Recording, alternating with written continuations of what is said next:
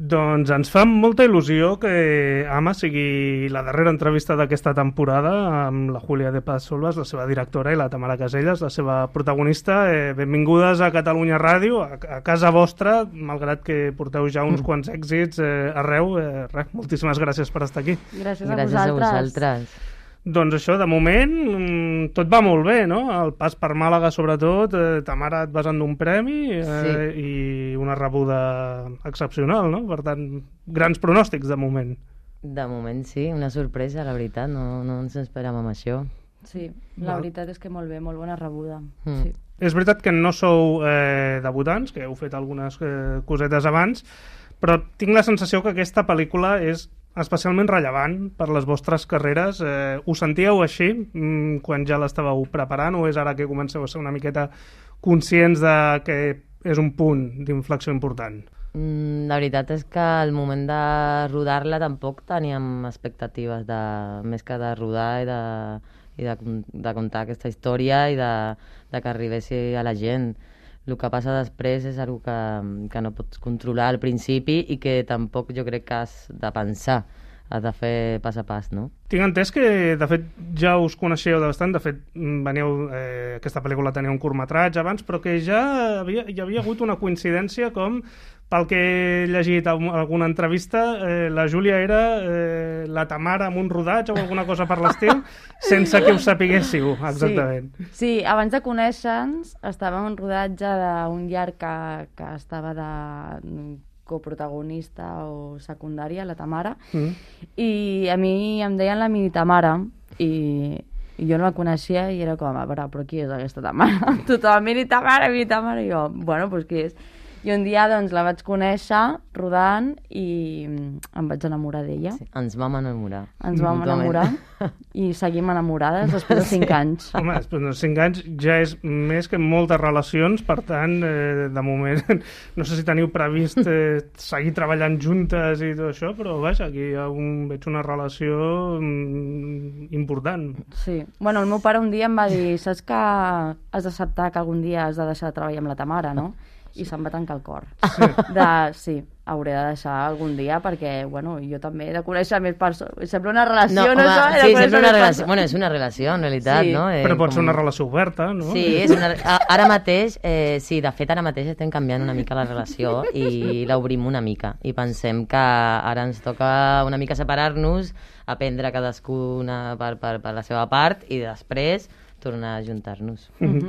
Val. Jo veia la pel·lícula i la primera pregunta que tenia ganes de fer, Tamara, és mm, què tal va ser la teva relació amb, amb la nena, vaja, amb la, amb la Leire, perquè us toca una convivència potent i, vaja, explica'ns una miqueta com va ser. Eh, va ser una, una relació màgica, la veritat. Clar, nosaltres, la Júlia i jo, vam, vam començar mesos abans a tenir contacte amb la nena, doncs anar a casa seva, a estar amb ella, jugar amb ella, dormir amb ella, una cesta, o sigui tenir molta, que la, que la nena ens, agafen, ens agafés molta confiança i respecte també perquè el, el rodatge després tu has de posar límits també i ella ha de tenir aquesta, aquesta confiança com per, per, per entendre't, no? Que, que no ets la seva mare però que allà estava treballant. Més que res això, o sigui, formar, formar això de, de darrere i ja després jugar molt amb ella, seguir,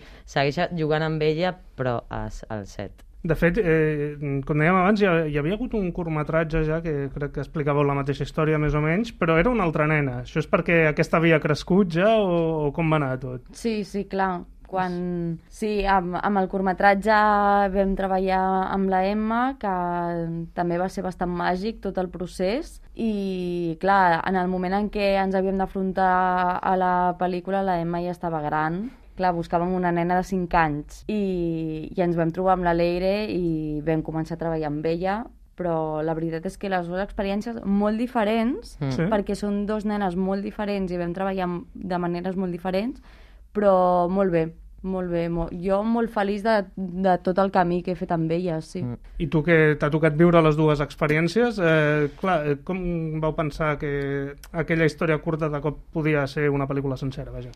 Mm, bé, en realitat ja quan, quan vam fer el curt, quan estàvem fent el curt, ja vam dir el curt ens queda curt, no? Jo ja li deia, hòstia, mm. necessitem fer una pel·lícula per poder comptar, per poder, per, per, per no quedar-nos a la superfície, no? Una mica. I és veritat que, mm, que amb la, amb la nena vam, vam fer un curro molt diferent, des d'un punt de, vist, de vista diferent. Jo, jo al principi me'n recordo de dir-li a la Júlia ostres, mira, com, com parlem de, al principi de, de la no relació de la mare amb, amb la filla, eh, que et sembla si no tinc massa relació jo amb l'actriu, la, no? amb la, la filla? Mm, error. Mm -hmm. gra, gra, greu. I res, això, després vam tenir l'oportunitat de, fer, de fer la peli i vam, vam fer tot, tot el contrari amb, amb, amb la Leire, que és l'actriu, la nena de la, de la peli, i ens vam donar compte que, que els nens, en realitat, no sé com, mm, són incondicionals els pares, saps? No, no jutgen els, els pares. És en un moment de canvis importants no? en la societat, dels rols, dels tabús, etc. Eh, es parlarà en aquesta pel·lícula de la maternitat, ja no sé fins a quin punt, és a dir, desmitificació de les mares, de la maternitat, de com està vista la maternitat, eh, quin era una mica el, el tema que sentíeu que estàveu tractant amb la pel·lícula? Jo crec que els tres conceptes que has dit estan relacionats. Sí que s'ha de diferenciar molt en quan estem parlant d'arrepentiment de, de la maternitat o m'arrepenteixo de la maternitat o m'arrepenteixo de ser mare, és diferent. O sigui, aquí ens hem, ens hem centrat en, en la maternitat i com és construïda socialment, culturalment, políticament,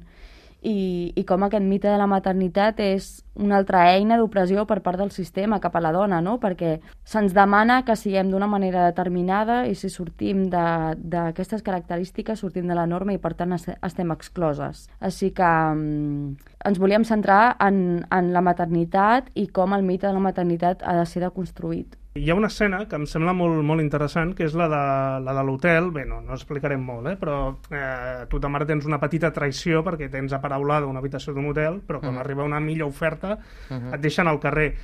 Si alguna cosa ens ha demostrat el Covid, i crec que aquí a Barcelona molt, és eh, el problema de quan poses tot, eh, allò, tots els ous al mateix cistell, diguem, el del turisme, i de cop aquest desapareix, no? Jo uh -huh. crec que és una escena molt rellevant uh -huh. en aquest sentit. Sí, la veritat és que si volíem fer una, una crítica de, doncs això, de com es tracta el turisme, de com es mostra que el... Espanya és rica, però rica què, què significa? I rica en turisme. Sí que aquí volíem denunciar com les persones que, que vivim aquí no tenim els mateixos recursos que eh, se'ls hi pot donar no, al, al turisme i com hauria d'haver una igualtat o s'hauria de pensar en, en les persones que, que estem aquí. I per això també mostrem a la Pepa de com treballa repartint flyers a Benidorm amb tot de, amb tot de turistes, ella cobrant super poc, mentre aquí ens estem venent com un país ric en, en, en relació al que parlàvem abans, no? de, de, dels tòpics eh, sobre la maternitat o sobre com criar, o etc. Eh, és un exemple molt tonto, eh? però com al meu pare li agrada molt el cine, doncs a, eh, a mi de petit em posava pel·lícules que no eren les que teòricament em tocava, i jo sempre ho he agraït moltíssim, no? eh, poder iniciar-me ràpid, i clar, per una banda pensava, home, si una nena viu aquesta experiència, òbviament, no sé si serà positiu o negatiu, però serà ja una experiència enorme, vaja, això s'ho endurà i la farà créixer en molts sentits, també. Mm. No? Mm. Sí, això, això li deia jo sempre.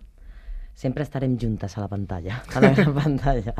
Sí, la veritat, jo et dic, la nena, al final els, els nens s'ho pren... Els nens es, pren, es prenen la vida pas a pas, saps? moment a moment. Ells no pensen en realitat el que li vindrà després. Tampoc és una cosa de que, de que la nena ara vulgui ser actriu és una experiència per a ella com que, com que de cop doncs, ha, ha, ha conegut a, a un grup de gent que estava jugant d'una manera molt diferent a el que ella eh, juga normalment i es queda amb això, eh, però per això, perquè els nens viuen la vida pas a pas, moment a moment, no pensen més enllà. Però fins i tot parlava també del, del personatge, eh? sí. de, la, de, la, mm. de la pròpia Eh, el, el, mm. com es diu la neia? Que no, Leila. Leila. Això, Leila, perdona, ho tenia apuntat aquí, però... És que la... la, la, Clar, la, la nena es diu Leire sí, sí, i sí, sí. Leire i Leila, no? És que... Sí, sí, estava llegint aquí. També eh, m'agradaria saber com afrontàveu la responsabilitat de, de eh, com explicàveu aquesta història. És a dir, eh, són, clar, tenim a dos protagonistes que estan caminant per una corda que pot caure qualsevol moment mm. una banda o una altra. Allò pens, suposo que se't passa pel cap que si ara un happy ending, que si ara anem al drama absolut, que si... I com trobar una mica el balanç no, de tot això? Bueno, sí que amb la Núria Donjó, que és la guionista, eh, en molts moments doncs eh, ens plantejàvem si, si volíem tirar per aquest camí, perquè les persones que llegien el, el guió ens deien sou conscients de que el vostre personatge pot caure molt malament i que pot no agradar a la pel·lícula. Però bueno, la Núria i jo teníem molt clar que volíem parlar d'això, que volíem parlar d'una dona que, que s'equivoca i mostrar els grisos no, de, de l'ésser humà. Sí que també els referents propis que tenim com a creadores no acostumen al happy ending ni, ni lo dramàtic, eh, com es diu, la pornografia emocional, per dir-ho d'alguna manera, no? Sí. Llavors això, volíem jugar sempre amb grisos i, i plantejar un, personatge que, doncs que, que va nedant entre, en, entre aquesta gamma de colors, no? I, i jo crec que per això, ja també pels propis referents i pel cinema que a nosaltres ens agrada, no, no ens vam encaminar ni pel happy ending ni, ni per algun molt dramàtic. Felicitats, eh, Júlia i Tamara, per, per Ama. Eh, espero que seguiu treballant juntes i si algun dia no ho feu, doncs eh, ho seguirem a les dues plorarem, igualment. Plorarem, sí. No, no patiu. per tant, Patirem, res, patirem. moltíssimes gràcies per la A tu. pel·lícula A tu. i per aquesta entrevista, vaja. Moltes tu, a gràcies. vosaltres, que moltes bé. gràcies.